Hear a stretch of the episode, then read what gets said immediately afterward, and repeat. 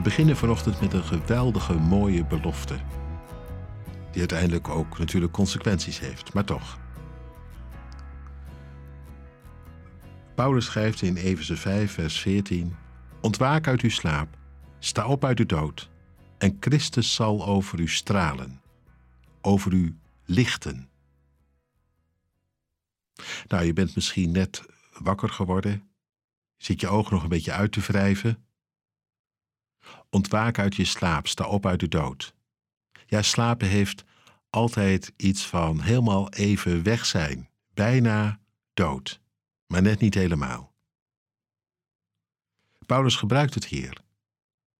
De slaap in geestelijke zin. En hij zegt: dan ben je eigenlijk weer teruggezakt in de dood. In ieder geval in coma, toch? Herken je het? Zonde die je zo te pakken kan nemen dat je helemaal onder zeil gaat, niet meer wakker bent te krijgen, wakker bent te schudden. Vanochtend. Ja, het is even je ogen uitwrijven misschien. Maar dat geeft niet. Er zit zegen in. Ontwaak uit je slaap. Sta op uit de dood, laat het geen dag doorgaan. Dat wat niet deugt, wat niet kan, wat gewoon, gewoon ronduit zonde is, kwaad, vals en fout. En daarbij de belofte: Christus zal over je stralen, over je oplichten. Dat ook om te beginnen. Je mag de dag in in het licht van Christus. Het oude achterlaten. Om vanuit Hem op te staan. Vandaag. Zo de nieuwe dag in te gaan. Dat is toch geweldig? Vanuit vergeving, vanuit genade. Door de kracht van Zijn geest. Nee, je hoeft er niet nu nog weer eerst eens een nachtje over te slapen. Nu, vandaag, vanochtend.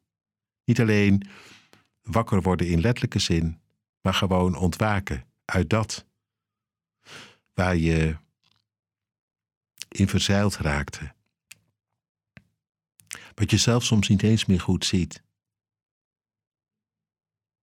Knijp maar eens even in je arm en bedenk hoe God je leven inkwam. Met Zijn liefde. En hoe Hij je vandaag hebben kan in Zijn trouw. Christus zal over je lichten. Hij zal blij met je zijn.